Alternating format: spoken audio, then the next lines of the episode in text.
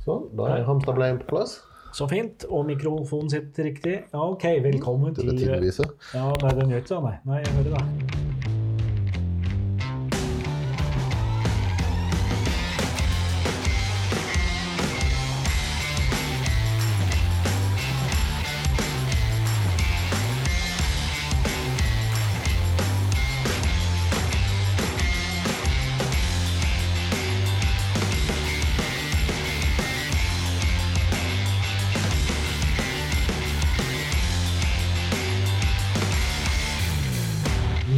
Tenker vi er sånn cirka i gang. Velkommen til episode 13 av Maltprat. Ja, episoden der alt går galt. Alt går rett. Ja, alt, det vi får se. alt går. Ja, eh, alt går i hvert fall. Eh, dette her blir jo en litt sånn eh, En episode som jeg har tenkt at vi skal ha fra dag én. Mm. Eh, og der jeg på ingen måte kommer til å føle meg objektiv til noe som helst. Du er da vel nøytral når det gjelder dette temaet? Nøytral og velbalansert og uten favoritter. Ja, nei, det, altså, Problemet er jo da at i dag så skal vi ha en Springbank-spesial, og da flyr alle sånne prinsipper rett ut døra. For jeg er, eh, jeg er Springbank-fanboy, så du må stå for eh, balansen i dag. Så skal jeg, skal jeg sitte her og hylle at jeg er fra en eller annen. Ja, nei, vi får se. Jeg, jeg, jeg, Det er jo ikke tvil om at du er den som kan mest om Springbank av oss. Uh, selv om vi begge to har nylig vært der og besøkt stedet. nemlig. Men, men uh, jeg må jo si det at jeg òg digger Springbank. Ja. Uh, jeg, det har ikke vært et favorittdestilleri rent sånn basert på varen for meg Nei, nei. tidligere, men de lager jo mye godt. Det gjør de absolutt. Men, men jeg har sansen for typen destilleri det er. Nettopp. Altså, de er independent. De, er, de har et uh, sosialt engasjement som jeg setter veldig pris på. Ja. I tillegg til at de lager god vare. Og, Ja. og det er en fin kombinasjon. Ja. synes jeg. Jeg, jeg kan jo liksom, ok, sånn i begynnelsen så kan jeg tillate meg et par litt sånne kritiske meldinger som at Mm. det er ikke alt som er like godt, men det er liksom lagd med så gode intensjoner. ja, sant. Ikke alt som er godt, men det er lagd med gode intensjoner. Ja, ja. Ser. Så, så det hender seg at det dukker opp ting som er og litt sånn, ok, dette her, og det er fint, de lager det ting som, som jeg faktisk selv meg ikke, ikke kjøper, men eh, andre kjøper det med stor glede. Mm.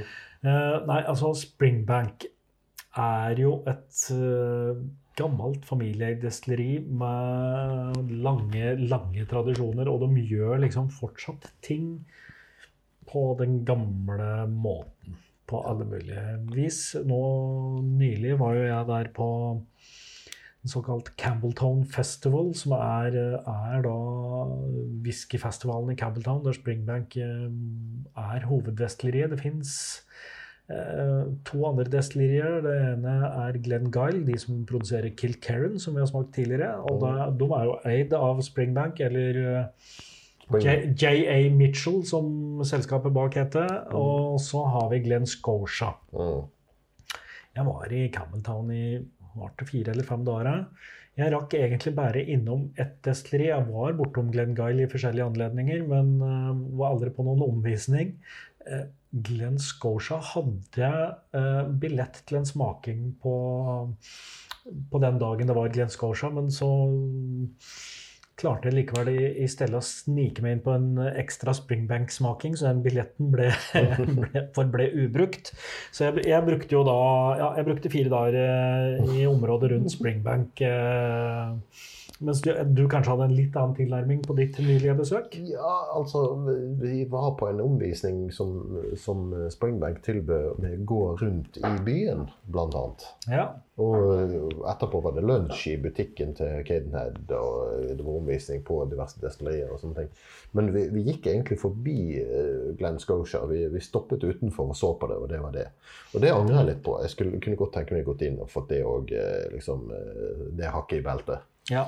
Men uh, Glenn Scotia har jo good stuff. Deres, Ja deres Victoriana er en av de bedre nasene på markedet, f.eks. Han er ikke spesielt Verken spesielt dyr eller spesielt billig, men jeg syns den er god.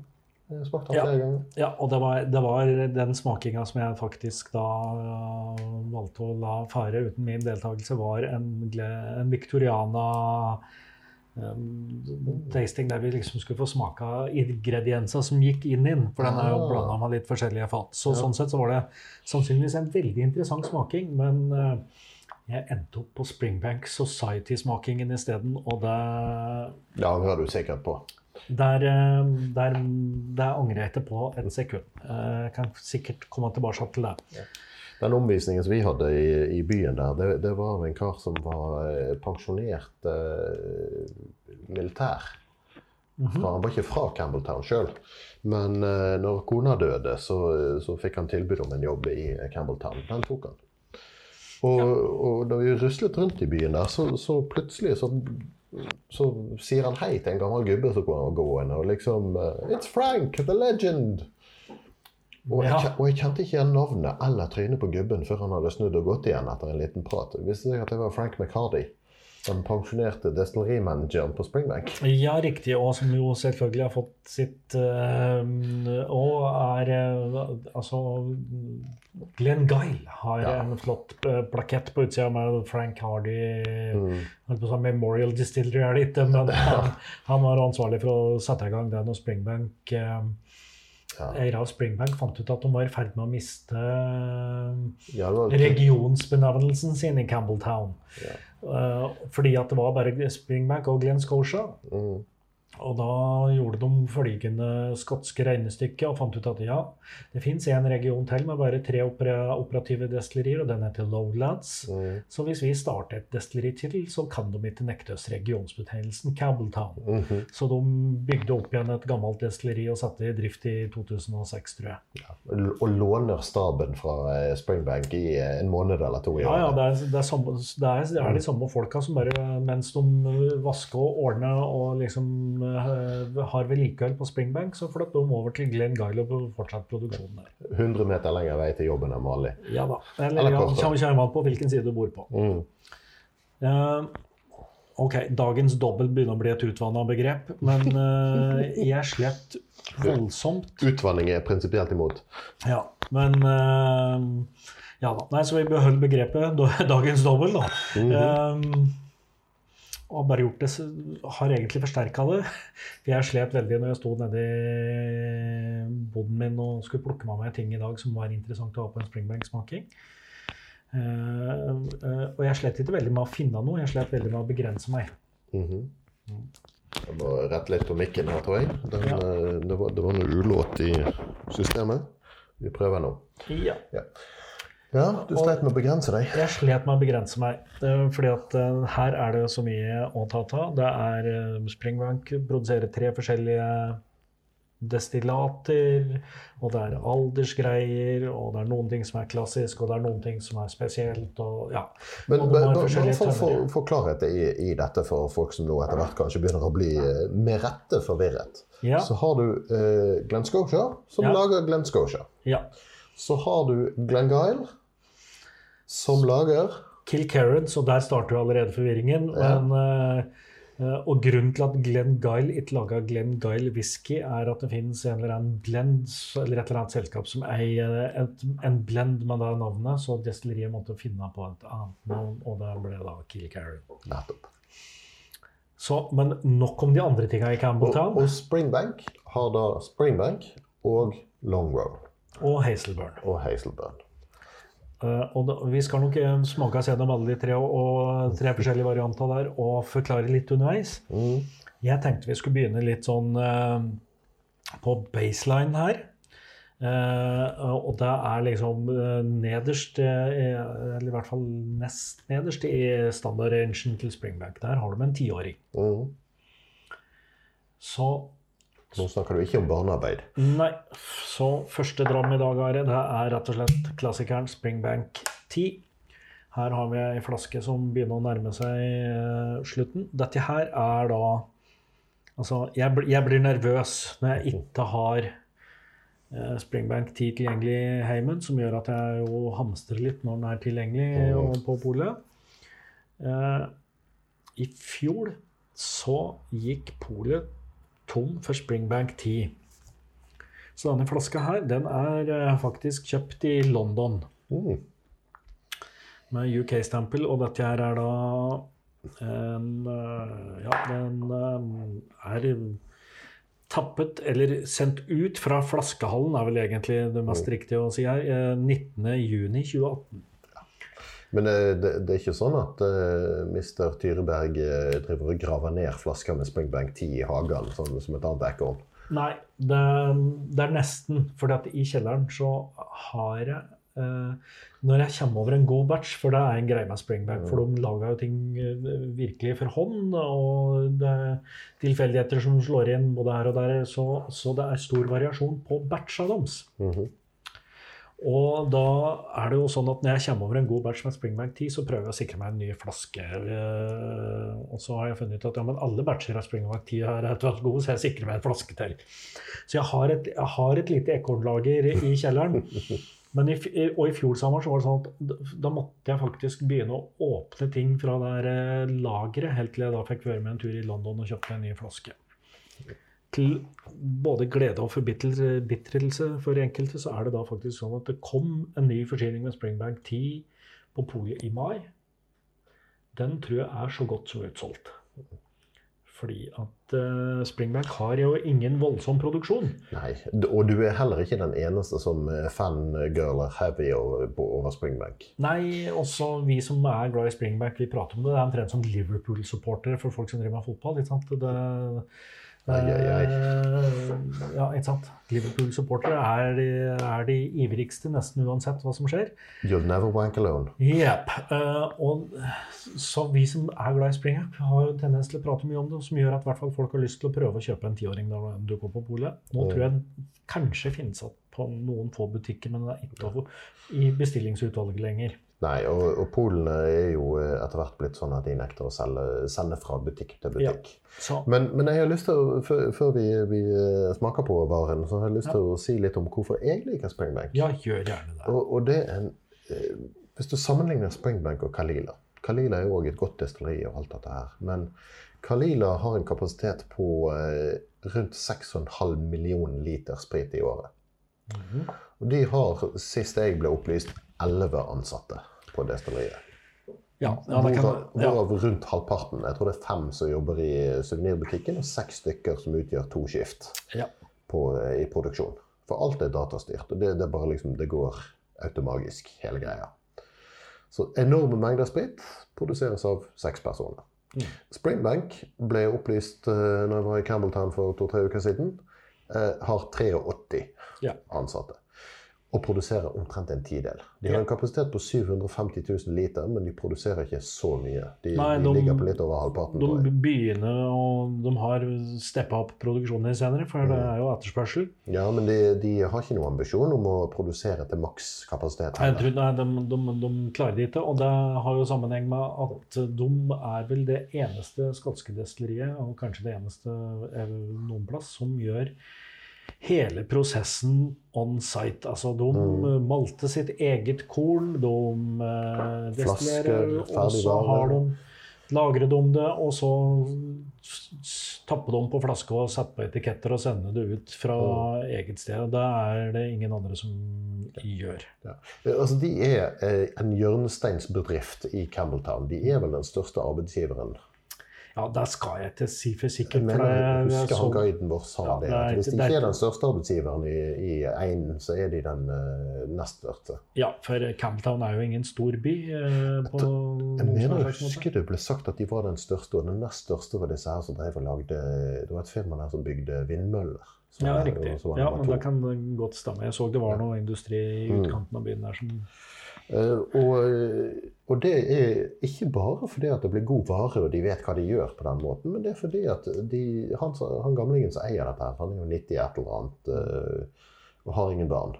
Nei. Så han har essensielt testamentert hele destilleriet til sine ansatte. Ja. Og det er organisert sånn at når, når, han faller fra, så blir dette her en stiftelse som eies av de ansatte.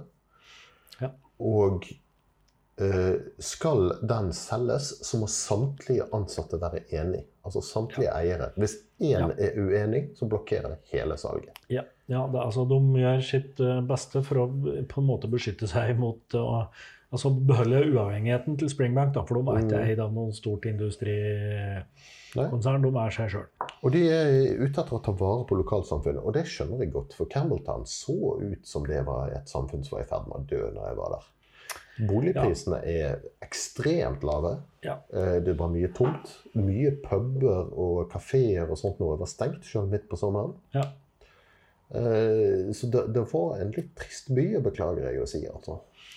Ja, ja det er jo, jeg er ikke uenig i det. Jeg, jeg så jo en rett rundt hjørnet fra Springbank. altså Det, det var praktisk talt sånn at eh, skiltet til Springbank hang på veggen på den leiligheten. Ja, Det var, det var mye små leiligheter til salgs, og den Ja. billigste jeg så, kostet, kostet rundt 300 000 kroner for en uh, leilighet med to soverom Ja. i Campbelltown sentrum. Så der har eh, alle, alle interesserte et eh, godt tips til ferie, feriebolig. Det, Jeg tror det er dårlig koneaksept for, for å dra til Springbank en gang i året. Iallfall hvis hun skal være med. ja, ja, det er klart. Det er, Men det det, er, jo litt for spesielt interesserte. Men jeg så det var i området rundt der var det utrolig mye campinghytter og campingplasser eh, Ja. av en eller annen grunn. Så Men eh, la oss nå starte med Ja. nyheter her, så kan vi boble litt mer etterpå. Smake. Ja. Dette her er 46% altså alt som blir produsert hos uh, Springbank, som er liksom i standardsortimentet deres, er 46 uh, Ikke kjølfiltrert, ikke fargetilsatt. Mm. Eh, litt fordi at uh, det koster jo penger å ha et kjøleanlegg og, og, og drive og tilsette farge, så det har de aldri brydd seg om å drive med. Uh, og så, så er det jo da tradisjonen det meste de driver med. Altså, Springbank er da liksom hoveddestillatoren, så det de produserer destillert mest av. Mm. Lett De, pita. mm. de hadde jo fått inn, når jeg var der, så, så hadde de fått en del kritikk for det at de hadde fått inn en ny eh, etikettmaskin, tror jeg det var. Eller, fla, eller eh, tappe på flaskemaskinen, eller et eller annet sånt noe. Som lokalbefolkninga mente at å nei, det, nå begynner de opp automatisering. Men faktum var at de var nødt til å ansette flere for å kjøre den maskinen enn det de hadde fra før. Ja, nei, riktig. Ja, ja da, og de tapper jo de tapper for Springbank, selvfølgelig, og så tapper de for uh, Cadenhead, som jo er en del av uh, Mm. gruppen her. Cadenhead har vi jo snakka masse om før, så Og Cadenhead, bare for å illustrere eh, 80% av omsetningen til selskapet som eier dette, her, er Cadenhead. 20, 20 til Springbank. ja. Og det, det er jo en stikk motsatt eh, av det mange andre driver på med Mm. i, i størrelsesorden. Ok. Men dette er jo da altså dette er det jeg må ha tilgjengelig til enhver tid, Are. Ja. Du har, du, har vel, du har vel smakt eh, sannsynligvis en batch eller to av dette tidligere, du òg? Det, det vil jeg tro, uten at jeg har sjekket notatene. Men uh, fin, stillferdig sak på nesen. Ja. Den har en litt sånn Pluss i boken for 46 i stedet for 40. Ja. Det, Ja, Og så tenker jeg at jeg, altså jeg, jeg opererer med et sånt der begrep som eh, er springbank-funk. Altså det er litt sånn Ok, det er litt sånn warehouse, men det er òg litt sånn eh, gårdsaktig Det er litt sånn skittent. eh, dette er en håndsmidd ja. eh, whisky. Dette, dette er smijern, ikke, ikke maskinert stål. ja. Uh, og så er det Jeg tror miksen, fatmiksen her er nok så- pleier å vare. De bytter jo om hele tida etter hva som er tilgjengelig og er modent. Men pleier å være ca. 70% sherryfat og 30 bø- Nei, hva sa 70% bourbonfat ja, og 30% sherryfat. Dette var 2018-batchen, var det så? Ja. øh, og hvis du liksom trenger den helt spesifikke greia, så heter den 18-294. Og den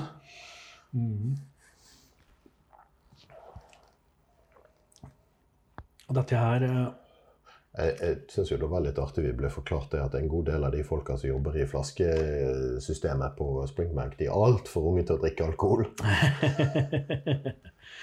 Ja, ja. ja men det er en, det er en øh, fin familiebedrift. Det er han, han ene jeg var på på smaking med, som er øh, Ronan, som er øh, han, er en han er vel salgsansvarlig for Europa nå, tror jeg. Han hadde en, lang og rørende tale på slutten av en smaking der eh, til, til oss 40 mer eller mindre edru Mm. folka om, om, eh, om eh, hvor viktig Springbank var for familien i nærområdet, og han og Mm. broren hans og begge brødre hans jobber der. Og, ja. Ja. De har jo et interessant pensjonssystem òg, da. Ja, De har vel kanskje en annen pensjon òg i tillegg, for alt jeg vet, men eh, Skal vi, det, pensjonssystemet har jeg fått forklart så mange ganger, og det er så komplisert at eh, det er mulig at jeg er helt edru hver gang jeg hører om det. Men skal vi prøve oss på en rangering av tieren før, Ja, vi, ja. før vi tar eh, pensjonssystemet? Sånn at jeg er fokusert. eh, ja. Skal vi se. Tja hva, hva vil du, du Du som er fanboy. Nei, jeg, altså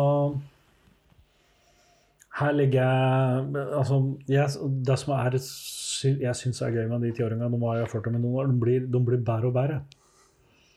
Uh, så dette her De ligger alltid og vaker liksom sånn oppe på sju og en halv, åtte for min del. Mm. Jeg satt akkurat og tenkte på om, eh, om sju var rette karakter for meg Ja. på denne. Um, Men dette her er litt sant, Du får innimellom sånne på Facebook, og sånn, så er det noen som syns det er gøy å spørre om. Ja, hvis du bare skulle drikke én whisky resten av livet ditt mm, ja, dette, dette, er det, dette er liksom Jeg detter tilbake til dette her. Uh, syns det jevnt over er eh, godt. Eh, um, og jeg er jo litt mer interessert i bourbonfat enn sherryfat sånn generelt. Så fordi andre liksom standardtapninga til Springbank, der øker sherryandelen, så eh, Så dette er for meg nok eh, Det, det er nok egentlig en åtter, altså. Are. hmm. Etter det Nå må du minne meg på hva som står som heading. Åtte er klassisk. Nemlig. Og det er det var det jeg trodde. Ja, sant. Når du i en samtale om whisky nevner at du har smakt denne, er det flere kjennere som nikker anerkjennende. Dette er en klassiker som er en dårlig bevart hemmelighet. Er den fremdeles mulig å få kjøpt, er dette en gjenganger på handlelisten. Det vil jeg si beskriver dine handlevaner når det gjelder det- ganske godt. Ja. Ehm, For meg er sju god eh, mer riktig. ja. God whisky til hverdag og fest. Ikke det beste du har smakt, men et godt produkt. Anbefaler gjerne til kjente som spør deg om råd. For ikke-kjennere fremstår dette som edel vare ypperste sort. Ja. Ja. Eh, Jeg, jeg syns det Ja stemmer. Det er en helt ærlig sak, Are. Jeg Eh. liker denne, men jeg har ikke kjøpt en flaske Springbank 10 sjøl noensinne. Og det, det er rett og slett fordi at uh, det, det går an å få whisky som jeg syns er bedre. Uh, som selvfølgelig koster en god del mer i mange mm. tilfeller. Men, men du vet, alle monner drar, så man sparer gjerne opp Ja til den. Den her, eh, Nå husker jeg jo ikke prisen på den på polet nå, men den er vel i underkant av 800 kroner, tror jeg. Ja, det er den verd. Absolutt. For, for meg er dette her sånn at eh, ja, eh, Lagavulin 16-alternativ. De, de er jo vidt forskjellige, men sånn prismessig og kvalitetsmessig så er de sånn Ja, og jeg er, mer, jeg er mer opptatt av å ha den i skapet enn Lagavulin 16. Ja, jeg òg, men det, det er i hovedsak fordi at Lagavulin 16 får jeg alltid tak i. Den er alltid tilgjengelig. Hvis jeg fikk vite at Lagavulin 16 var noe de skulle stoppe å produsere, og det kom til å bli utsolgt på polet, så hadde jeg nok shoppet den fremfor Springback 10. Altså. Jeg, Ja. jeg beklager at du får Ja, nei, men uh, du er tilgitt. Jeg er, jeg er en raus person. Jeg har jo masse Springbank igjen å smake her, så Ja. Skal vi se Springbank eh, 10. Jeg forsøker å finne den på polets liste nå, Ja. men eh, det, det er jo bare 25-åringer for svarte. ja. Men mens du sitter her og skrur på telefonen din, så kan jeg jo fortelle litt altså fordi at det er jo tre forskjellige destillater som de har. Normalt så de fleste skotske destillerier forholder seg til uh, dobbel destillering. Ja. Springbank bruker en destillering som de kaller for 2,5 gong. Eh, Det er ikke helt sånn matematisk eh, korrekt, tror jeg, men det de gjør, er at en del av det som er destillert gong nummer to, Mm. Går tilbake og blir blanda med det som blir destillert eh, Altså det som har vært gjennom første destillasjon og skal inn i destillasjon nummer Ja. to. Og så blir det sånn ok, Jeg tror noen har prøvd å beregne til 2,57 eller et eller annet, men det er jo helt umulig å vite. Men en, god altså en, del, en del av whiskyen er trippeldestillert, og en del er. Og så De har noe pussig røropplegg som sørger for dette. Ja. Han guiden vår på destilleriet han kunne egentlig ikke forklare hvorfor. Nei. Det er bare sånn de gjør det. Ja, liksom, og, det ja, sant? ja, Hvis noen spør om hvorfor de gjør det, så er det sånn Nei, det er fordi vi alltid har gjort det sånn. Ja. Og da Springbank 10 Ikke koster for øvrig 690 kroner på polet. Ja, Noe jeg syns er en god pris. Ja. Uh, eneste problemet er det at det finnes én flaske igjen i landet, og den er på Volda. 354,2 km unna, så hvis Ja. du er nødt til å gå nå, så skjønner jeg det. Nei, men, uh, men jeg har allerede sikra meg den siste batchen i to eksemplarer. Ja. Så det skal nok gå bra. Eh, Da har vi jo liksom Ok, da har vi, da har vi smakt to og en halv eh, ganger destillatet. Mm. Bitte litt pita. De sier at det ligger mellom 10 og 12 PPM, altså fenol mm, parts per million. Ja. Og der, og der kjenner du jo Det er nok til at du kjenner at det er noe der. ja. Men mm. det tar ikke overhånd. Det drukner ikke andre ting. Nei. Så balansen er veldig fin på denne. Eh, og så har de jo da selvfølgelig eh, funnet ut at ok, eh, ja, vi, vi, vi kan jo lage noen andre varianter òg. Og de har en, et da merke som er fullstendig urøyka. Kanskje jeg må bare Nå har jeg så mye flasker av det at eh, det blir en slags uh, sorteringsbonanza. Skal vi se. Eh, og den, den, eh, de laga da en urøyka en som er trippeldestillert. Ja. Og akkurat det å stave deg gjennom dette navnet her, det skal du få gjøre sjøl. Eh, ja, det er eh, vi, altså Jeg kan begynne med den enkle delen av det. Vi skal smake på Hazelburn. Og det er da merket som er trippeldestillert. Og den flaska vi er, som, som jeg nå er i ferd med å åpne, det er en eh, serie som heter Rundlets and Kilderkins. Og Rundlets and Kilderkins, det er jo da eh, navn på småfat. Mm. Jeg må innrømme at jeg ikke har i huet størrelsen på de fata, men eh, det er, det er altså en quarter cask. Den er eh, Jeg eh, vet. ikke en sånn der, eh, er Er det en 60 liter, kan det stemme? Dette er jo størrelsesmål som er basert på månefase og vindretning ved sant, altså. I det hele tatt, men poenget er at dette her er da i hvert fall mindre fat enn eh, standardfata, barrels og hogsheads og alt det der. Mm. Og for eh, noen år siden så kom det en liten serie som er en tapning av hvert destillat, altså Hazelburn, Springbank og Longrow, som vi kommer til litt senere, som har ligget lagra på Rundlets and Kilderkins. Ja. En rundlet er en fjortendedels tonn. Ja. Og en, Og det er ca. to oksehoder og et kålhue. ikke sant? en pipe eller butt er en halv tønn. En puncheon er en tredjedels tønn. En hogshead er en fjerdedels tønn. Og en barrel er en åttendedels tønn. Ja. Dette er jo et fornuftig eh, system. Det fins sikkert en eller annen uh, historiker, uh, matematiker ute på Facebook som kan forklare oss dette her i detalj. Du hjelper meg. Jeg sitter her med Wikipedia. En kilderkin is equal to half a barrel or two firkins. Firkins, ja. Ja. Så en kilderkin er lik to firkins. Ja, men det er fint. Dette ga sa meg mye.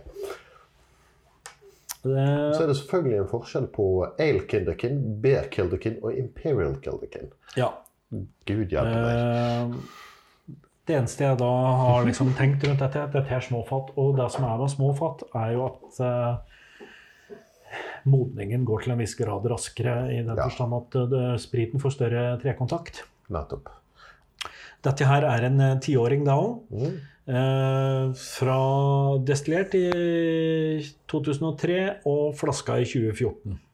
Ja. Altså november Så- 20, 2003, januar 2014. Så, så litt over ti, sånn i praksis. Ja.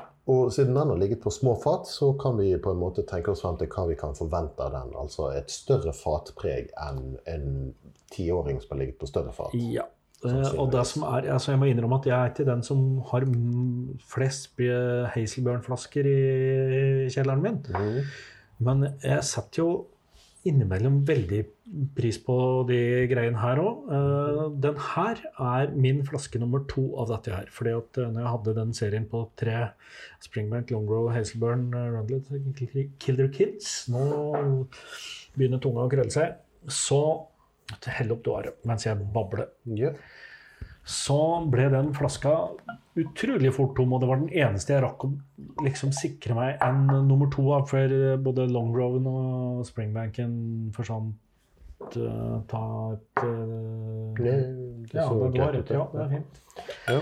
Eh, og så har den da blitt lagra i kjelleren til en passende anledning, og dette er den passende anledningen, tenker jeg. Sånn at vi liksom eh, Når jeg var på festivalen nå i, i mai, så det, Dette er eh, det nyeste tilskuddet til Springback-familien, for å si det sånn. For at Hazelburn eh, produserte dem da Altså, nå må jeg, nå må jeg hueregne, og det går jo rett i dass, Are. Men eh, greia var at i år på festivalen så lanserte de sin første 21-åring. Ja. Så for 21 år siden så begynte de å 98, destillere. Du er så, du er så god på det der, Are. Mm. Dette her er jo et altså, mye lettere, eh, renere destillat. Altså her, her har vi den der um, funken som er um, relativt upresist benevna det i tiåringen i stad. Men Men Dette var da trippeldestillert, og det er det ikke så mange i Skottland som driver med. nei, nå er det vel bare Auchentoshen som eh, Ja. gjør, det hjem, eh, liksom gjør det fast. Og trippeldestillerer alt, men det, det er jo noen som driver og eksperimenterer litt med Ja, det. ja, Ben- har- har gjort det på noe, og Ja. det, det er noen andre som gjør det sånn av og til. Ja, men eh, Springbank gjør det da ja, en kort periode hvert år, så produserer de noe Hazelburn. Dette her er det, det er ikke mye Hazelburn som produseres, altså. Nei, nei. er det? 20 000 flasker i år, eller? Ja, du, Det du, det vet jeg ikke helt. Men tidligere så hadde de en åtteåring og en tolvåring som liksom var standardgreia. Nå tror jeg de har funnet ut at det klarer de ikke å egentlig vedlikeholde. Mm. Så det finnes, en standard tiåring. Og der det også kommer det litt sånne varianter og spesialtapninger innimellom. Mm. Eh, og den her som kom da i 2014, som jeg sa, ja, den, den kom i 12 000 flasker. Og det, betyr, det er liksom i praksis én batch hos Springbank. Da, det, da har de maksa produksjonsanlegget sitt og kjører ut 12 000 flasker. Ja. Altså Til sammenligning, Ardbeg sine festivaltapninger, sine spesialgreier, Ja. limited edition, kommer i noen og 30 000. Ja. Dette her er, var jo litt sånn som jeg huska det. Det er, det er litt sånn smør Dette er litt sånn smør, vanilje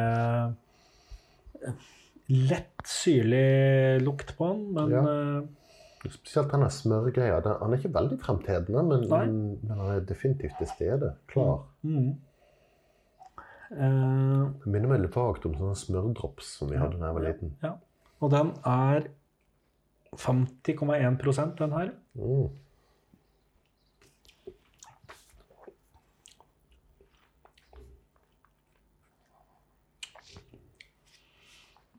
Noterte ikke karakteren på forrige, men eh, den fikk sju av meg, tror jeg det var. Ja, det gjorde den. Skrev.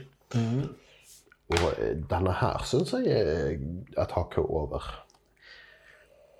Du, ja, du syns det? Ja. Uh, ja, jeg Jeg, jeg syns dette her, dette her er eh, er en veldig god Hazelburn. Altså, nå har jo så, ja, jeg har jo gleda meg til å åpne denne flaska her. Eh, men jeg tror jo ikke eh, For min del så er ikke dette her Det er ikke over Springbank 10, men det er, eh, det er i samme gate, altså. Mm. Syns den fortjener litt mer eh, Jeg så mer interessant. Eh, Springbank 10 er litt, litt stillferdig i forhold til. Jo, jeg, jeg, jeg kan være med deg på at, eh, at um, den har et par ting gående for seg, den her, altså. Um, så uh, men, men den er eh, Ja, altså jeg, jeg er glad for at jeg klarte å få tak i den der uh, siste flaska her. Og dessverre, for alle som hører på, så skal de ha en sånn en, så må de må de nok på auksjon og sikkert gi mer enn jeg ga for den, dessverre. Ja, det er tre Hazelburn å finne på polet for øyeblikket. Eller det vil si om de er tilgjengelige, må fuglene vite. Hazelburn 10 koster 795 kroner. Ja. Den står, kan bestilles på dør. Ja, og den, den her er Altså, dette her er, den vi smaker på nå, er en klasse over, men Hazelburn 10 er en veldig god tiåring. Ja, altså, de, de får til dette. Jeg tror så gjerne den er en klasse over. over. Ja, jeg syns ja, den var, var god. Så har de en Hazelburn 9 år gammel Barolo Cask. Som koster 904 kroner. Den er òg tilgjengelig på bestillingsutvalget. Ja, det er en sånn spesialgreie som kom for et par år siden, tror jeg. Så har de en Springbank Springbank Hazelburn. uh, ja. Ja. Det er vel Hazelburn de mener. Informasjonen på polet kan av og til være så som så. Uh, 13 år gammel Sherrywood, som Mm. koster 1314 kroner. Den kan ikke bestilles, og er kun tilgjengelig på polet Ja, den som har kom, den. kom gjennom eh, spesialslappet i november, den, i fjor. Det finnes for øyeblikket 23 flasker tilgjengelig i landet Ja ja. totalt. Og det Og den Det gikk nok fort. Ja. Men de, altså de Ja, for det er en sånn årlig greie de gjør. Mm. De har, de har i hvert fall gjort det i noen år nå. Det er en sånn egen sherrytapning. Den er vel cask strength, så vidt jeg husker. Mm. Uh, og er eh, Ja, ikke sant, ok. Den, den har, har i hvert fall, syns jeg, har variert litt sånn i kvalitet. Nå har jeg faktisk ikke smakt den siste, men jeg hører at folk mener at den er bedre enn den som. Kom og var tolv år for eh, ett eller to år siden. Ja. Men eh, det som vi sitter og drikker nå, er jo Der er det ikke mye sherrypreg, er min påstand i hvert fall. Nei, jeg syns ikke det. Det er mulig han har fått seg en finish eller noe, men det er veldig dempet i så tilfelle. Ja, nå skal vi se. Det står ing... Ja, ok. På baksiden av flasken der så står det jo også i detalj forklart hva en Rundlet on Killerkin er. Ja. Eh, Det er eh, små eh, fat, ja, som er Som tilsvarer eh, Imperial Measurements of 18 gallons, Mhm. eller 68 liter. Det er ikke store tønner. Nei, ikke sant? Så selvfølgelig, ja, det er ganske mye vanilje og, og bourbon preg på det her. En bourbon-tønne er vel vanligvis rundt 200 liter.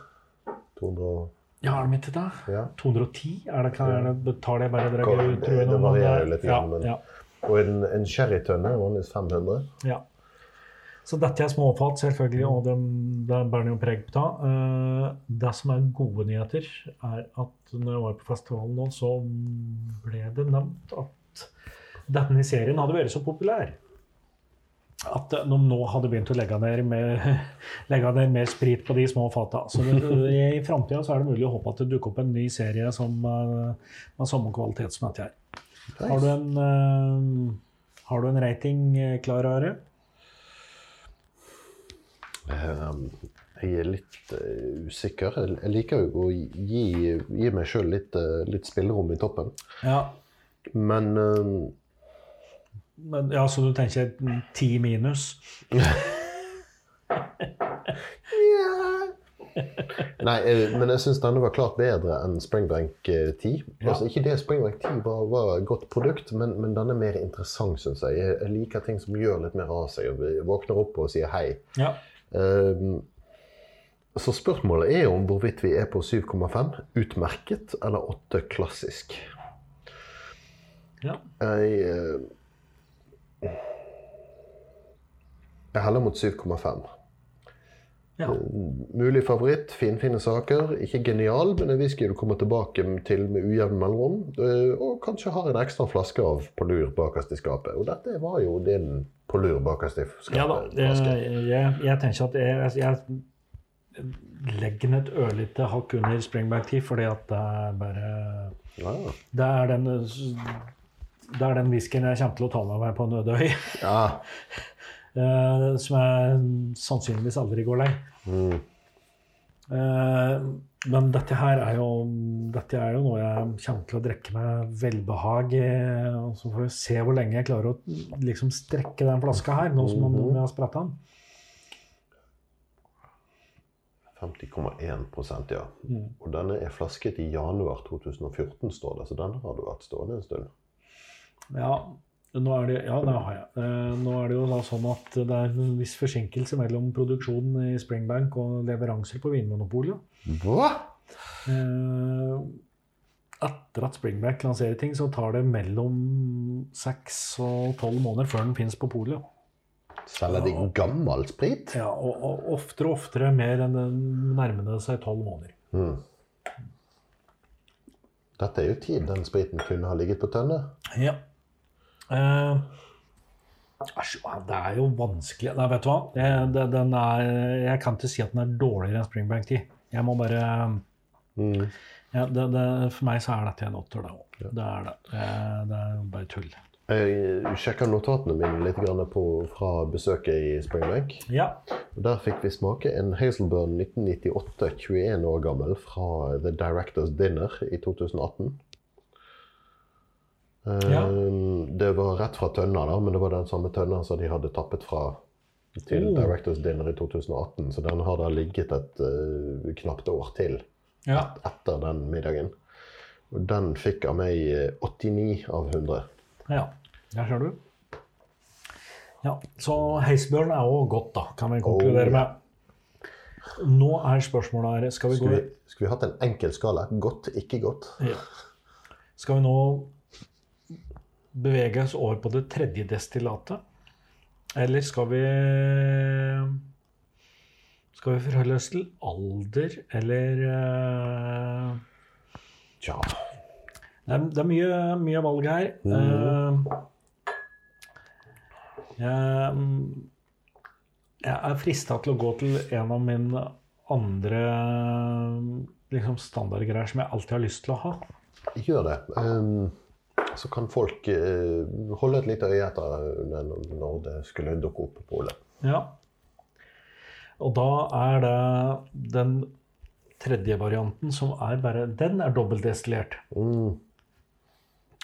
Og den er eh, tungt pita. Jeg hadde aldri trodd det skulle være så mye matematikk i whisky. Nei, men eh, long, Grow er dobbeltdestillert og er pita på samme nivå som f.eks.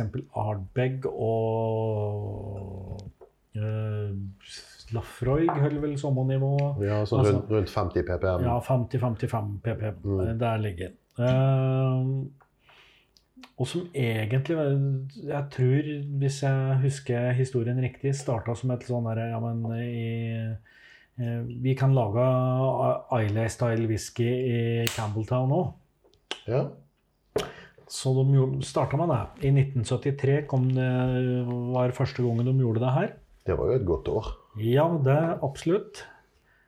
Eh, så det vi sitter med her nå, er Longrow 18. Den er nok til at folk eh, som kjenner sine ting, blir flakne i blikket og får litt rask puls. Ja. Og det, det, det, dette her, altså Produksjonen av Longrow eh, på Springbank er ikke stor. Så fra år til år så finnes det da her eh, litt eh, romslige, romslige variasjoner i, i, i fatsammensetningen. Mm -hmm. Et år så kom den med 70% romfat og 30% bourbonfat. Et annet år kom den med 100 sherryfat, og sånn fortsatt dette her. ikke sant? Her leker de seg, altså. Ja. Eh, dette her er jo da en Den er basert på eh, Altså, de malte de, eh, Når de malte kornet sitt sjøl, så bruker de jo da 48 timer eh, med, med tørka, eh, altså tørka peat som har tørka 48 timer for å fyre opp under Og det er det som setter smaken. Mm. Og så er det jo værforhold i Campbelltown. Plutselig regnet, og plutselig så hadde han som hadde ansvar for å skru av om ovnen eh, Han måtte i barnehagen eller hva som Mm. helst. Så, så det er jo store variasjoner her på hvordan det oppleves i ettertid. Og særlig da etter 18 18 år på fat. Men eh, vi er nå fortsatt på 46% som er, det- flette er en standardutgave. Dette er den som Det står ingenting på flaska, det pleier det å gjøre. Det finnes alltid en sånn der liten trykt kode nederst på glasset. Men denne her kom på spesialslappet til polet i november i 2018. Mhm. Og er fremdeles tilgjengelig. Og er fremdeles tilgjengelig. Og alle mm, tegn tyder på at dette er 2018-utgaven av Longrove 18. Mhm. Eh, fordi at alle de andre årgangene har den der trykte koden nederst på flaska. Så, Ja. så jeg har i mitt stille sinn konkludert med at dette er 2018-utgaven. ja. Og den koster 1455 kroner for en flaske Ja. på polet. Og er fremdeles tilgjengelig. Ja. Og dette her er jo en av de Longrove 18-variantene som nok har et tyngst innslag av sherryfat. Ja. Eh, Jeg må si jeg er usikker på fatmiksen. Det, jeg skulle akkurat til å si at her får jeg mye sånn røde bær og i en blanding med røyk. Som Ja. er en litt interessant miks. Ja. Det er liksom Forestiller meg at du har røkt sånne røde cocktailbær og kirsebær og Mm. Og her er vi litt sånn øh, Tilbake til litt sånn, litt sånn skitten sherry, altså i, i beste mening, men Det er Ja. røft. Boy. Den, den skal ikke være overstrigla i smaken heller. sant? Altså det, det er noe med um, at han uh, Han skjuler særpreget hvis han blir for, for glatt i preget. Men det er sånn, altså, fra i stad er jo litt sånn glatt, altså lettere sjøl om den absolutt har interessante sider, så er den liksom den, den hadde ingen skarpe kanter. Denne her har et par liksom Ja, du, du kjenner denne her. Men uh, 18 år treverk kan gjøre hvem som helst litt rund i kanten. altså. Ja da.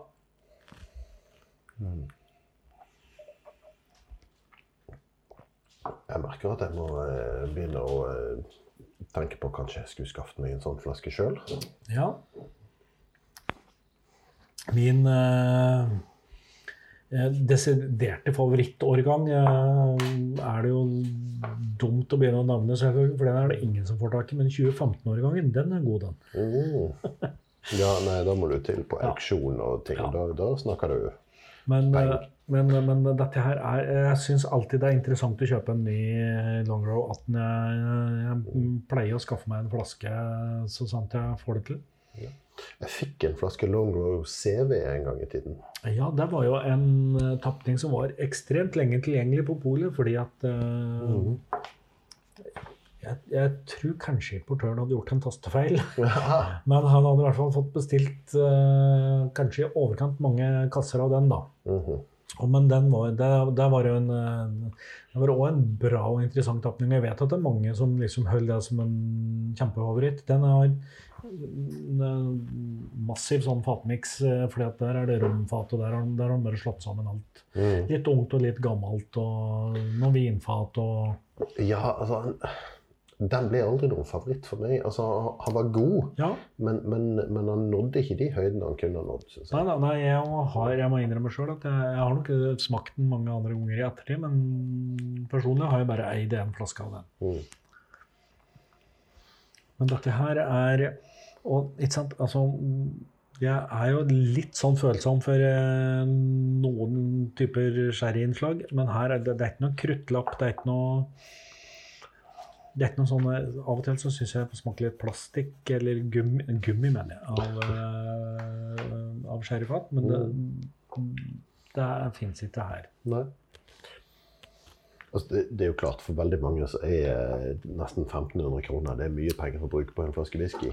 Og Ja. det er ikke så forbannet mange år siden du fikk noe fantastiske greier for 1500 kroner. Absolutt. Se på hva du får av konjakk eller portvin i dag for 1500 kroner. Det, det, en 30 år gammel portvin koster under 1500 kroner. Ja, ja. Men, eh, men denne her syns jeg eh, Jeg ville sagt at den er verd 1500. Jeg, eh, jeg likte denne. Ja.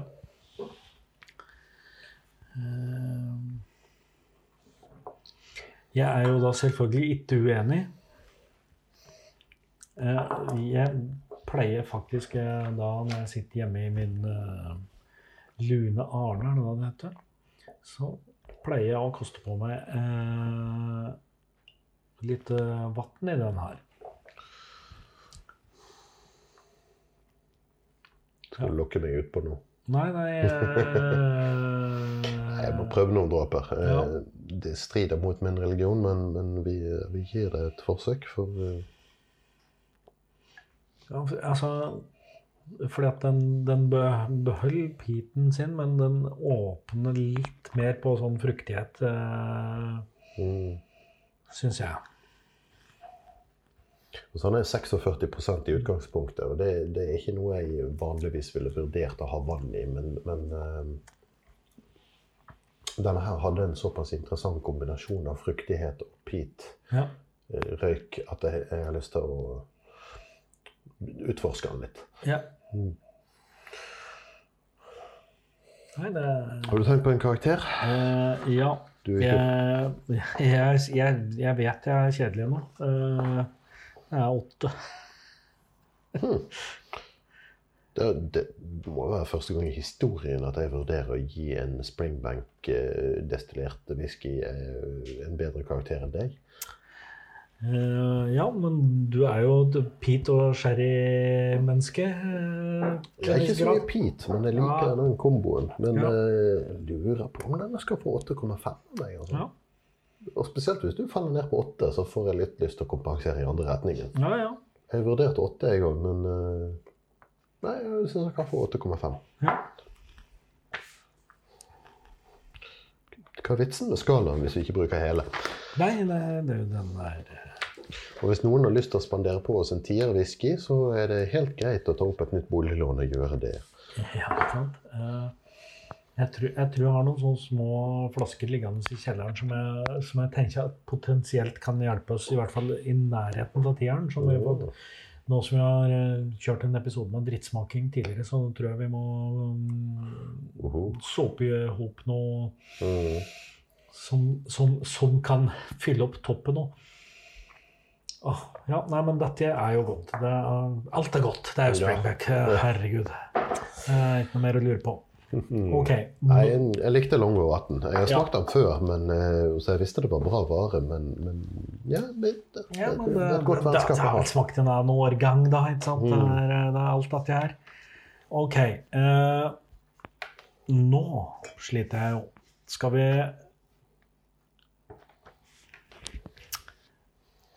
Vi har eh, Nei, vet du hva.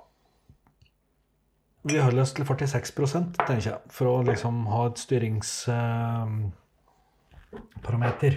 Jaha. ja. En i andre beinet. Ja.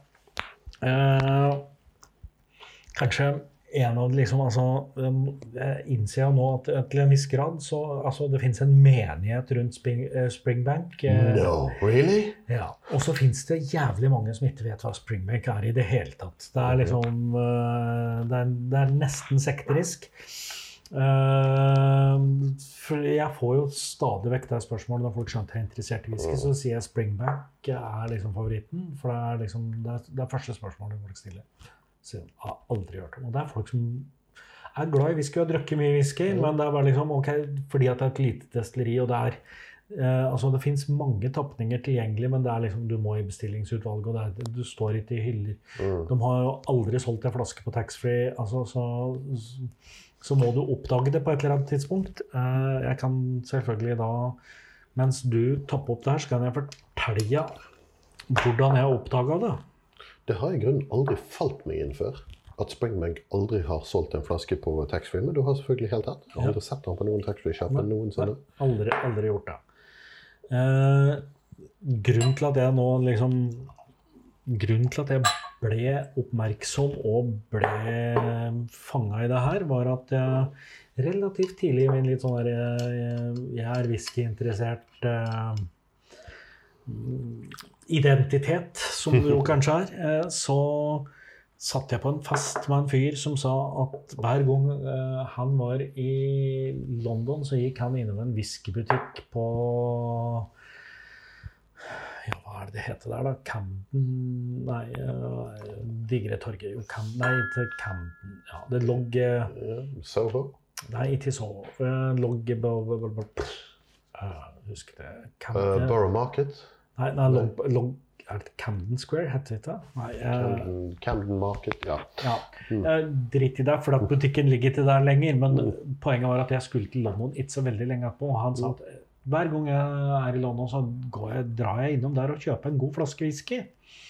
Som jo ikke hadde falt meg inn i det hele tatt, for jeg kjøpte jo whisky på taxfree på vei hjem igjen. Ah, yes. Så tenkte jeg OK, dette skal jeg jaggu jeg prøve òg. Og jeg skjønte jo da Og da jeg, butikken jeg gikk inn i, var Cadenhead-butikken i London. Mm. Den har nå senere flyttet til en eller annen gateadresse jeg i hvert fall ikke husker. Jeg må google det hver gang jeg skal dit.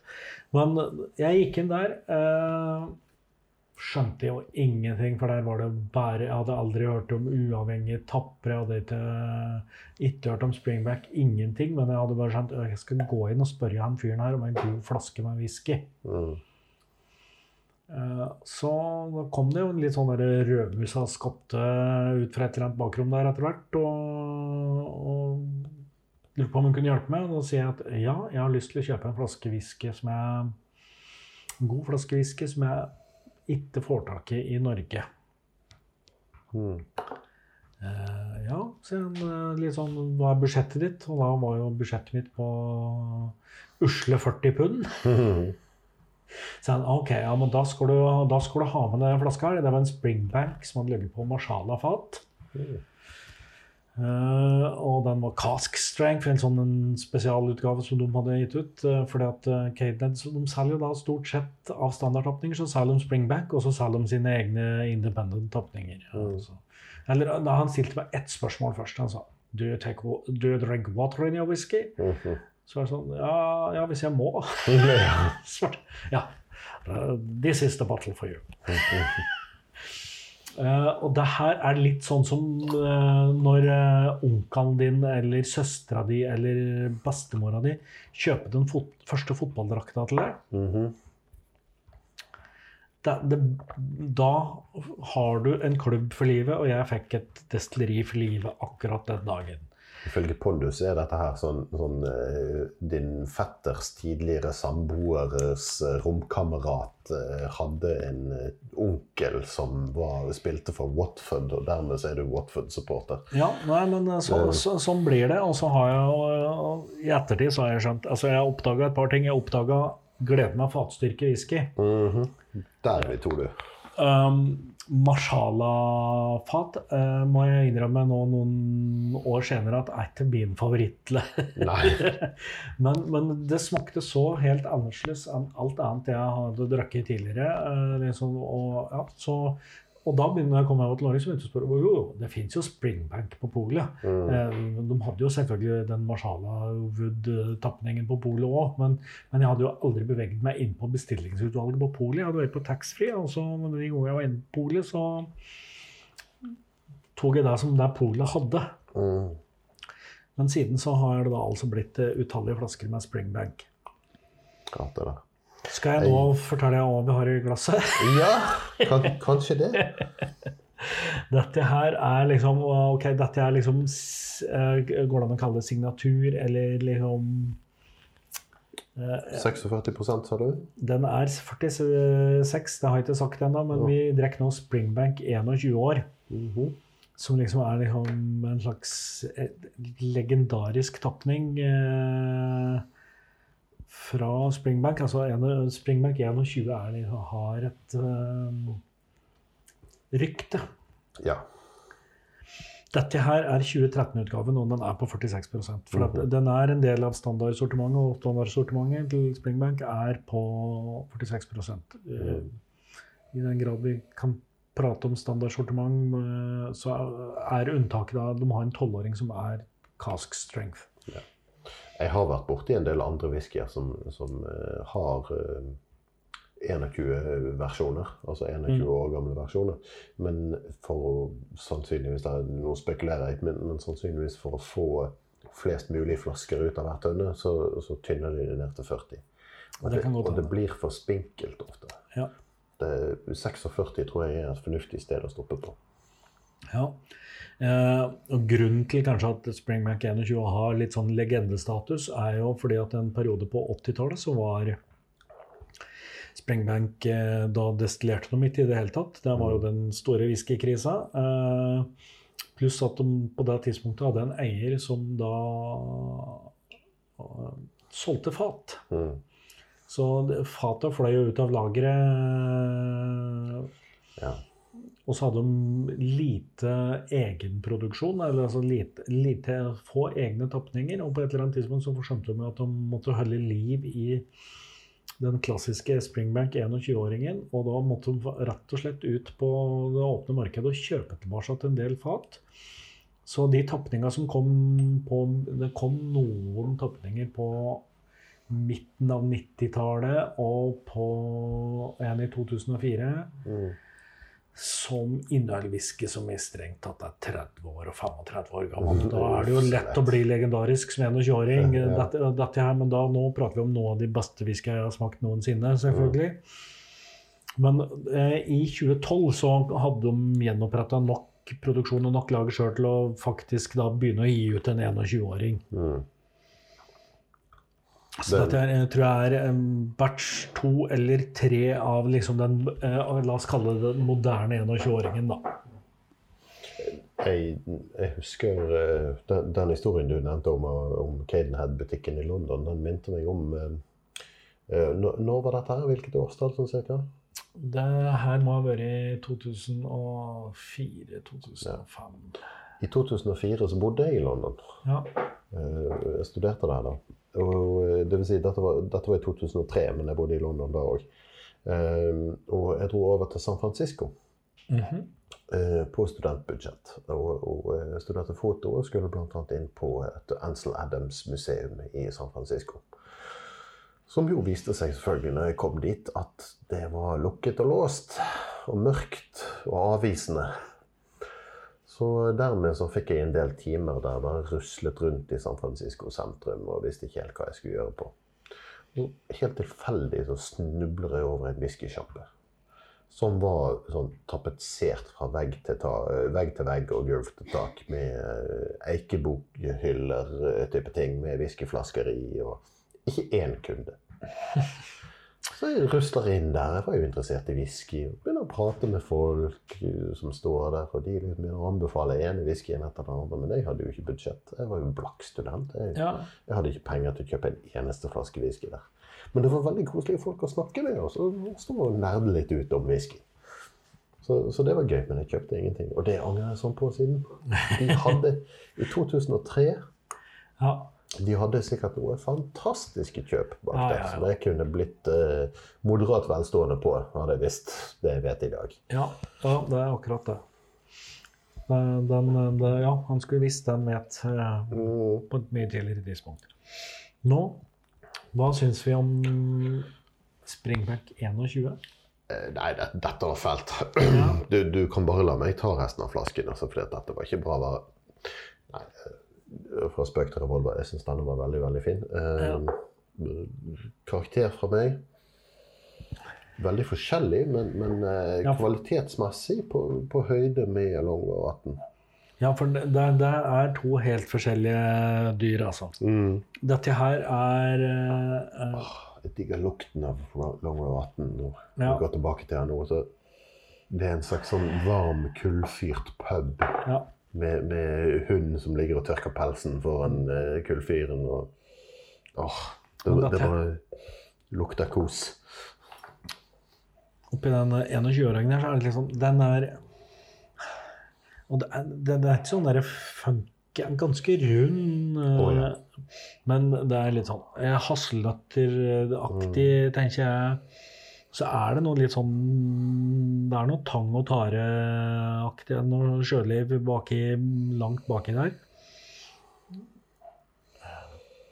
Jeg må jo innrømme at en av mine desiderte høydepunkt under eh, festivalen som jeg var på, var å da inni der lagerhuset til Springbank smake neste års 21-åring eh, rett fra fatet. Mhm. For da hadde de tatt de fata som skulle bli neste års 21-årtapning, miksa dem og helt dem på nye fat, som de skulle bare ligge der og blande seg på noe refill sherryfat eh, fram til de skulle tappe det på nyåret. Det de kaller marriage. Ja. Mm. Og da Det var jo kanskje Ja, det var, jeg tror det var det beste jeg egentlig drakk på hele turen. Dette her er jo òg godt. Det er liksom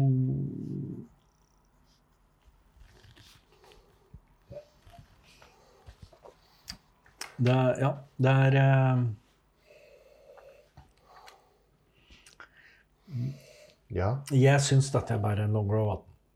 Altså, det, det Men, men, men, men, det er- men, det men det en- det er en helt annen eh, setting for å drikke whisky, tenker jeg. Mm. Dette er ikke noe jeg Det er en annen situasjon. Han krever noe annet av deg enn det Ja. Longo 18 gjør. Mm. Men, men eh, jeg merker at det er en del whiskyer som med alderen blir så rund at de mister preget.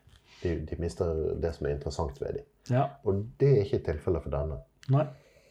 Rund, avslepet, definitivt, men, men det er fremdeles særpreg igjen. Mm. Og så er det jo selvfølgelig sånn Ja, jeg skulle, jeg skulle ønske at dette her var fatstyrke. Det hadde nok eh, men, men likevel eh, Jeg tenker Jeg tenker vi må Vi må over åtte nå. Mm. Ja, jeg, Jeg, jeg er på åtte og en halv nå. jeg tror jeg fremdeles er på 8,5. Det er Ja. som du sier, fullt forskjellige dyr, men uh, definitivt på høyden. Mm. Good shit.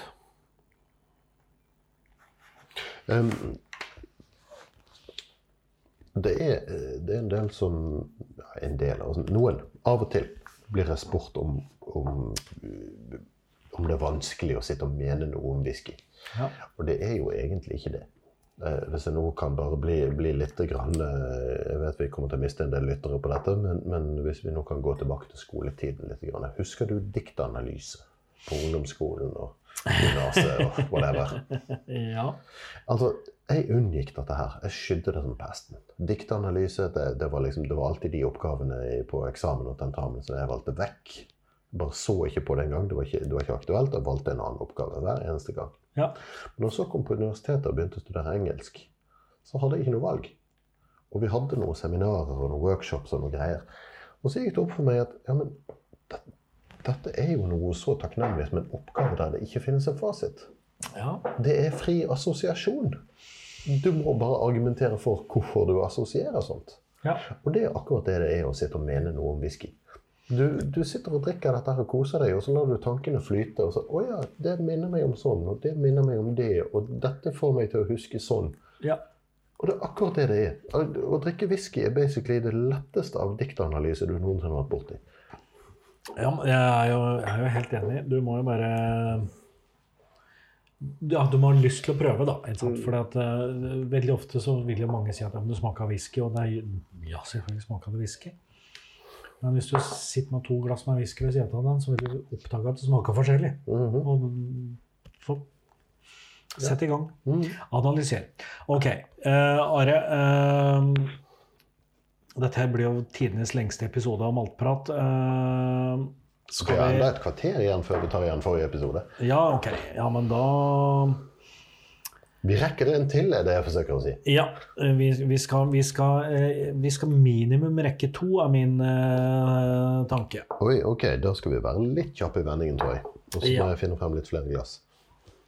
Ja, er vi Jeg har i hvert fall ett som er rent. Ja, vi har ett rent, og så fiske frem til til hver, fordi at dette glasset er jo ikke akkurat mangelvare. Nei, for nå har jeg sittet og pratet le- lenge og varmt om det, det, hvor legendarisk det er med Springbank 21. Mm. Eh, hva med en Springbank 21 til? Til sammen Springbank 42. Amen. Ja. Eh, nå er det jo sånn at i noen, en periode så var det mulig å få kjøpt seg et uh, fat med Springbank som du fikk lov å lagre hos Springbank, og tappe til deg sjøl. Ja, uff. Det har de jo slutta med fordi at de er altfor populære til å Til å på en måte drive med sånn veldedighetsarbeid. Eh, Så Men det betyr at innimellom så er det mulig å få tak i eh, ting som er tappa for privatpersoner. Mhm. Private casks, som det omtales som. Jeg har en 15-16-åring stående av det, som sikkert du òg har en flaske av. Ja. Denne her vet jeg ikke all verden om, for at de etikettene er jo litt sånn så som så informative. Men da jeg vet, at dette er en springbank eh, på 21 år. Den har ligget på Hogshead nummer 1 fra 1993. Oh. Og det er et refill sherryfat. Hogshead nummer 1 1993. Og det var en refill Hogshead, sa du? Ja, refill sherry. Refill sherry. Ja. Og den er på 52,6 Eh, I tilfelle noen av våre lyttere har glemt hva refill sherry betyr, så, så betyr altså det at det er et fat det har ligget sherry på, og så har de helt whisky på det. Og så har de helt av whiskyen, og så har de helt ny whisky på. Eller ny, ny Ja, new make. Så det er andre gang det lages whisky på det fatet. eh, Ja. Hva var prosenten, sa du? 52,6. Holy hell. Ja, nå merker jeg at jeg var litt knipen på å helle opp her, men det er fordi jeg prøver å drøye den flaska her så lenge som mulig. Ja, og dagens dobbel blir et stadig mindre beskrivende begrep, så Ja. mm, Den var ganske, ganske frisk, syrlig lukten.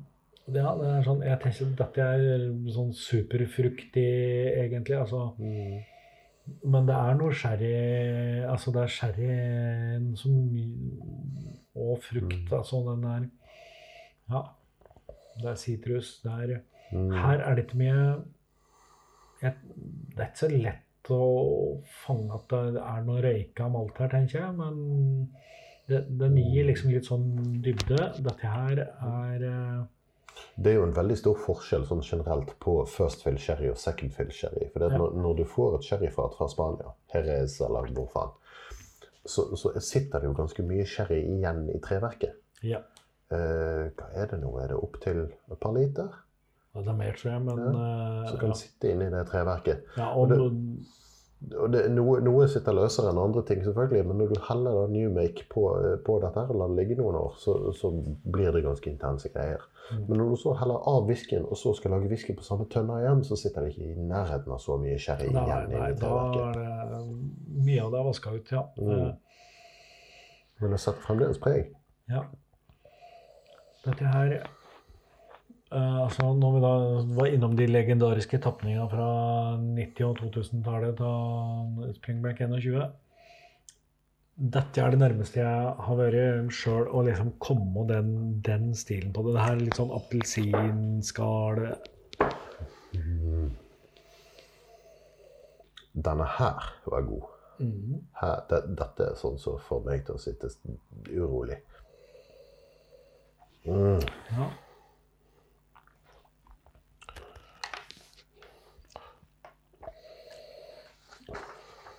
Og ikke sant, altså Nå har vi dynka tunga vår i alkohol fra før, men det er ingenting med de, altså ingenting som tyder på at dette er 52,6 liksom, før du Nei, dette her eh, det, Dette minner meg mest om alt av eh, Altså, Vi har vært inne på det før. Jeg lurer på om ikke julewhiskyen er, er litt sånn som denne her. Altså, Glenfarclas ja. Family Casks er oppe på dette nivået. Sherry, Sherrylagret og Ja. veldig, veldig fin.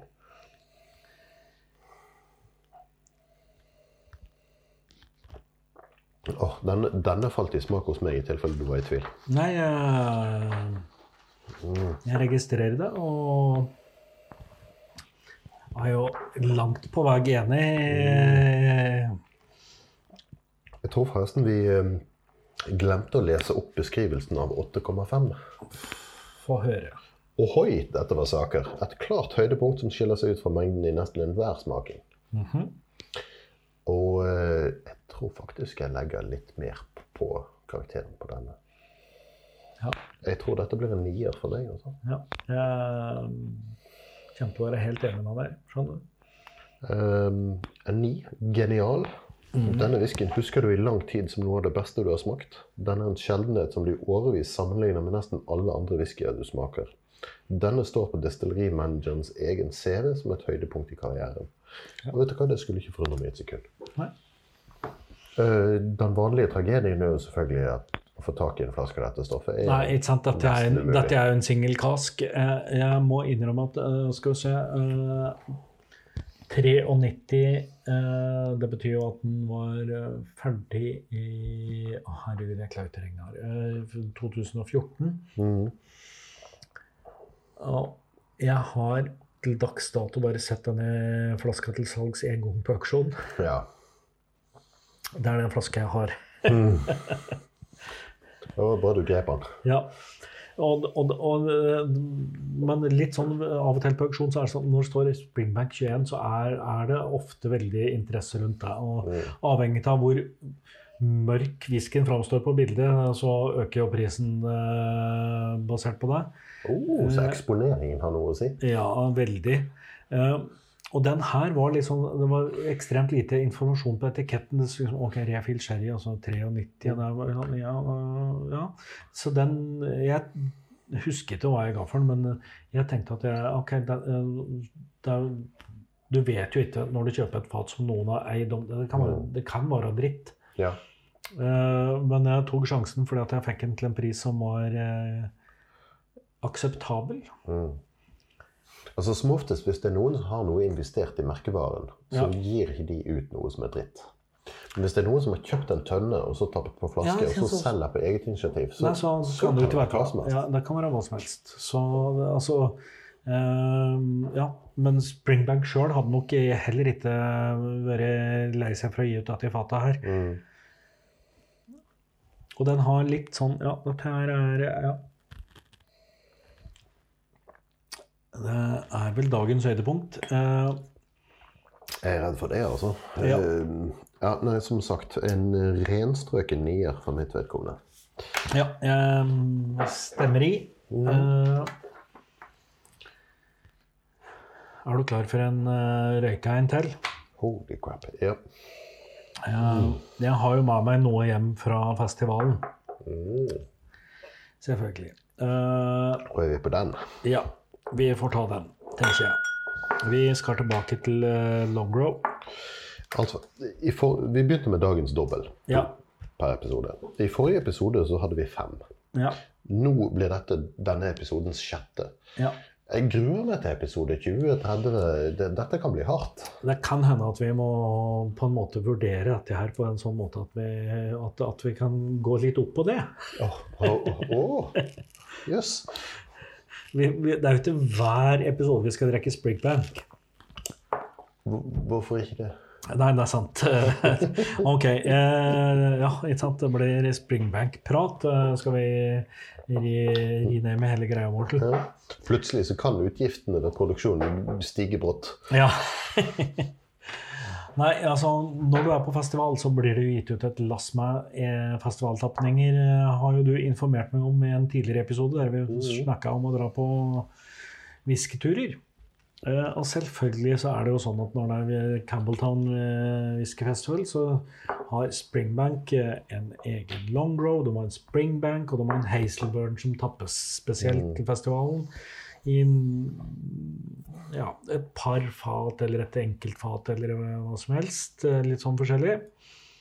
Jeg sto i en og en halv time i kø for å være helt sikker på at jeg fikk sikra meg Hazelburn 21, som var den første offisielle Hazelburn på den alderen. Og i tillegg, når jeg sto der, så plukka jeg jo selvfølgelig med meg de andre tinga. Det som er artig med Springbank, er at de har tilgang på mye rare fat, gitt at de er eiere av Cadenhead, som tapper rom og konjakker og kjøper fat fra alt mulig rart annet rundt omkring i verden. Så dette her er en longrow som har ligget på et uh, ferskt romfat, eller to i i hvert fall. Det er 911 flasker tilgjengelig.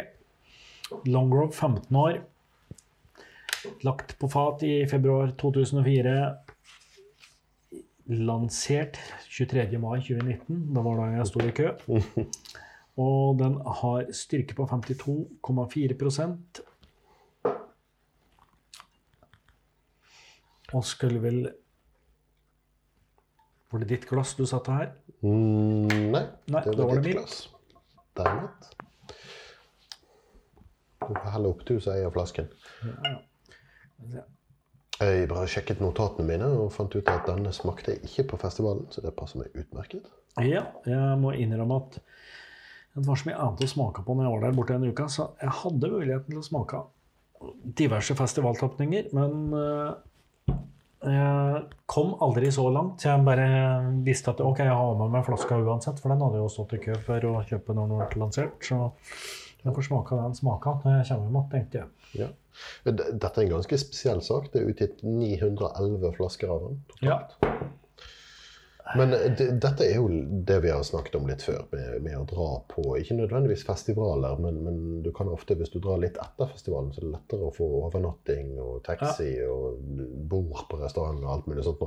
Eh, Og det, hvis du har litt flaks, så er ikke festivalene spesialtapningene solgt ut ennå. Eh, Så det, det var en av, en av spes, spesialene til Long Road, nei, til, til Springbank som lå på 1100 noen flasker. Ja, Og, og det er sånn som du har en sjanse til å få en uke eller tre etter festivalen. Hvis du er utgitt 200-300, så, så er det mer sånn folk ligger i sovepose utenfor inngangsdøren og venter. Ja. type ting. Men, eh, men det, det er jo alltid litt spennende med spesielle versjoner, spesielle utgivelser. Ja. Og jeg er jo litt sånn jeg har, eh, altså, Det gjelder ikke bare Springbank, men jeg syns ofte at det er um, interessant å prøve romfat. Egentlig så syns jeg altså, det, det, er jo, det er jo ikke så veldig mange andre eh, typer fat som har ligget eh, sprit eller det andre typer destillat på som blir brukt til whisky. Men når det skjer, så syns jeg det er interessant ofte og godt. Jeg har uh, drukket ting som har ligget på, på Calvados-fat, som jeg syns funker veldig fint.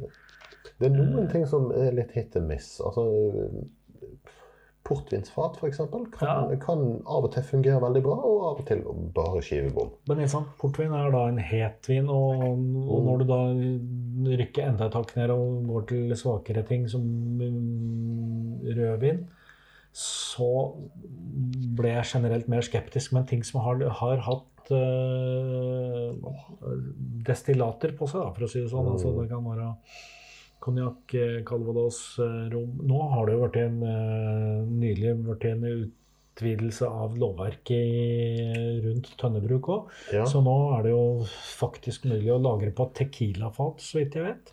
Ja, det var en litt merkelig utvidelse. Jeg hadde egentlig tenkt at vi skulle snakke om dette i en senere episode, men, eh, men det var en litt merkelig lovendring i Skottland eh, som åpnet for en del andre fat, men sperret for andre. Ja. Som f.eks. at eh, sånn som Glenn Murray hadde, har eksperimentert med å lage whisky på, eh, på siderfat. Det er ikke lovlig lenger. Nei. Men som du sier, åpne på, på å lage whisky på tequilafat. Ja. Og det må jo være litt trist når du er inne i en bransje der det tar liksom mer enn 10-15 år å få utvikle et produkt, og så plutselig så endrer noen reglene, og så sitter du der med ja. postkasser i skjegget og Men jeg vet og det, Jeg husker ikke begrunnelsen, men det var litt sånn Det skulle være ting som tradisjonelt lå på fat, og av en eller annen grunn var ikke sider noe som tradisjonelt lå på fat. Jeg vet ikke, jeg skjønte ikke Jeg skjønner ikke logikken bak det. Men, men det var òg noe med at det kunne ikke være tilsatt smak.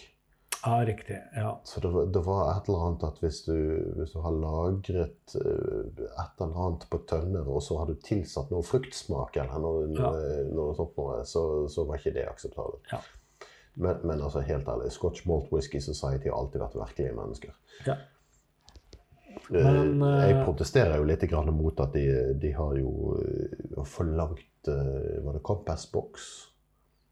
Som, som utga noe whisky med, med en del informasjon om en blend, Ja, blended malt. Ja da. Ja, som som, som, som beskrev eh, ingrediensene, ja. Ja, og så Ja. fikk de ikke lov til det, så du var nødt til å e-maile destilleriet for å få tilsendt listen over hva som hadde gått i den. Og så, så fins det en viss logikk i det, for at uh, det fins jo eh, Fordi at eh, med en gang du bekjentgjør at det ligger 45 år, 5 år gammel et eller annet her, og så Mm. ligger det 7 år gammelt noe annet her, så er det likevel den 45-åringen som liksom Mm. eh, driver prisen oppover. Og det er litt sånn rom, rom for eksempel, tror jeg der, der kan du aldersbetegne etter den eldste Ja. destillatet som ligger på flaska, ikke sant? som Mm.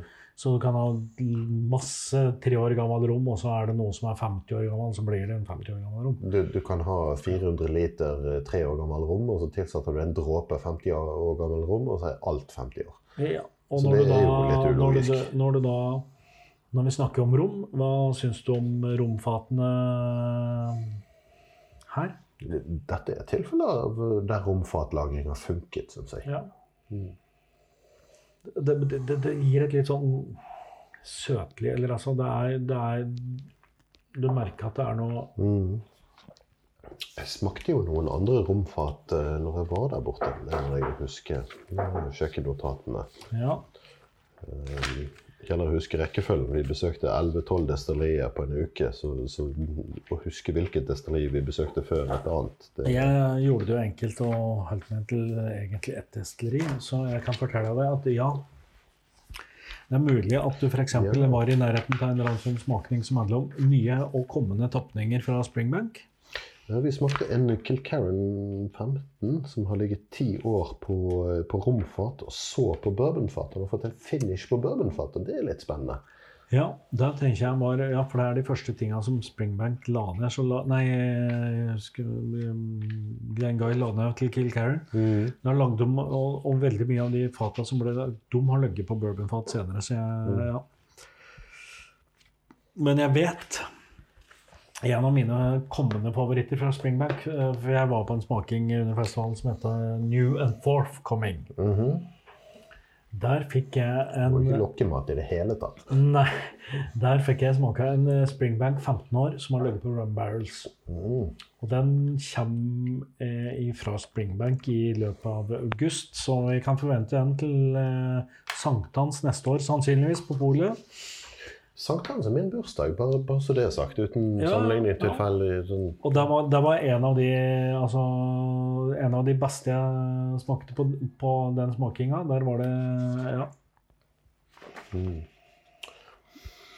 Ja Det er litt vanskelig å sammenligne med tomt glass, ja men prøvde å sammenligne med Long Row 18. Nei, jeg prøvde å sammenligne med den siste 21-åringen. Ja. Og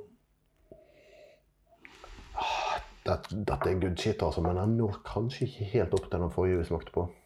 Nei, jeg, jeg tenker at den ikke gjør det. Altså, det er, også er, dette er jo nok en gang et uh, annet dyr, altså. Mm. Um, så gir det kanskje mer mening å sammenligne med Longrow 18. Det er den her, om du ikke har dråper. Ja. Som er Ja, men han er mindre drøy på røyken. Altså, han er, Ja, han er litt mer, litt Ja, men- mer dempet. Dempa og ja, det er, Kanskje det var finvær den dagen de tørka malten her. Jeg vet ikke, liksom. Det er, eh, Rette månefase. Ja. Nei, dette, men, men eh, nei, jeg syns denne her var eh, Helt ærlig, den, den her likte jeg veldig godt, og eh, det, det er litt sånn at jeg angrer på at jeg ikke kjøpte den. Ja. Eh, jeg kan jo fortelle, fortelle at Grunnen til at jeg åpner i dag, var at jeg ved et eh, uhell endte opp med to flasker. Så jeg Uff, så leit. Men eh, hva betalte du for den, og hva kunne du fått foran på en auksjon på det internasjonale markedet nå? Nei, du, jeg husker ikke hva jeg betalte for den, men det er fordi at Åssen var det? Det var jo veldig hyggelige priser, eh, strengt tatt. Men kunne det være så mye som 70 pund, da? Ja, jeg, jeg var jo i den butikken eh, en uke eller to eh, etter deg, og eh, jeg mener å huske at de, de varierte litt. Grann, de, de lå på sånn 70-80 pund. Ja. Varierte litt, men Ja, nei, men så jeg, jeg, jeg vil tro rundt 70 pund. Uh, dette er helt sikkert sånn som dukker opp på auksjoner uh, framover og går for uh, to-tre ganger så mye. Ja Det varierer litt, men, men si at eh, nå som vi har prata så rosende om den her nå, så kommer vi til å gå på tre ganger. Kanskje ikke på det fransktalende markedet, men Nei, men dette her var Jeg er enig, det var good shit, altså. Eh, Jeg, jeg tror nok ikke jeg og, og, og det er litt sånn OK, det, anledningen for å drikke sånn her det, det, Dette er litt sånn der eh, sen sommerkveld eh, nå, Tidlig høst. Tidlig høst, kanskje. Ja, ikke sant? Altså, er, det er varmt, varmt, i, varmt i været fortsatt, tenker jeg. Og så Det er jo ofte et sånt lite blaff på en uke eller to i september-oktober, der sommeren på en måte gjør et sånt siste krampetrekk. Da er den her fin på balkongen, terrassen, eller ja. ja, under et pledd. Jeg syns den var riktig fin, men, men den når ikke helt opp til den forrige 21-åringen, som Nei. jo er uoppnåelig på mer enn én måte. Ja. Nei, og den er jeg, jeg,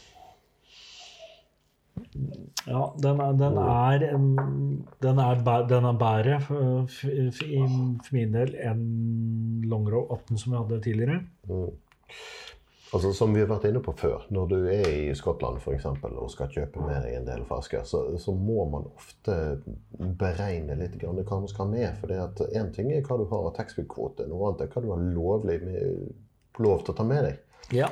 Og det er syv helflasker ja. pluss én desiliter. ja, ikke sant? To miniatyrer og sju helflasker. Ja, og, og eh, Så jeg angrer litt på at jeg eh, bare kjøpte én Kilcarran. Ja. En 15 år gammel Kilcarran, som riktignok var den jeg likte veldig godt. Eh, men lite visste jeg da at eh, hva jeg skulle kjøpe på de destilleriene etter det. Vi, Ja. vi hadde seks destillerier etter Campbelltown. Syv, faktisk. Ja. Så det var litt sånn beregning at ok, her må man ta en sjanse. Mm. Uh, men hadde jeg dratt tilbake til Campbelltown i dag, så er dette en av de jeg har spurt om. Syns den var fin. Ja. Jeg tror, ikke det- jeg tror jeg valgte rett. Hvis jeg bare skulle ha én flaske, så tror jeg jeg valgte riktig. Mm. Men Den har eh, en greie som jeg ofte finner i Longrow, som jeg synes, er var særlig, eh, Kanskje ikke de mest sherrytunge, men den her har en sånn en liten sånn rabarbratone, og det er jo litt sånn der trigger-smak-assosiasjon for meg. Alt Ja. som kan assosieres med rabarbra, er bra. rabarbra, eksempel. Rabarbra går bra. Ja, ja det går bra. Ja. Men eh, det var det enda godt. Ja. Så ja, Men jeg, jeg, må, jeg må dra den ned fra den forrige, men jeg, jeg legger den på 8,5, jeg. Ja, jeg òg. Ja. Vi, eh, vi er skjønt forent på den. ja. Mm. Ja Da eh, er vi i mål for denne gang. ja Og eh, eh, jo da, du hadde helt rett. Dette blir eh, lengste episode hittil. ja. Jeg håper vi ikke kjeder folk. Eh, Folk får heller gi beskjed hvis vi driver og, og blir litt vel eh, long-winded, som det heter på engelsk.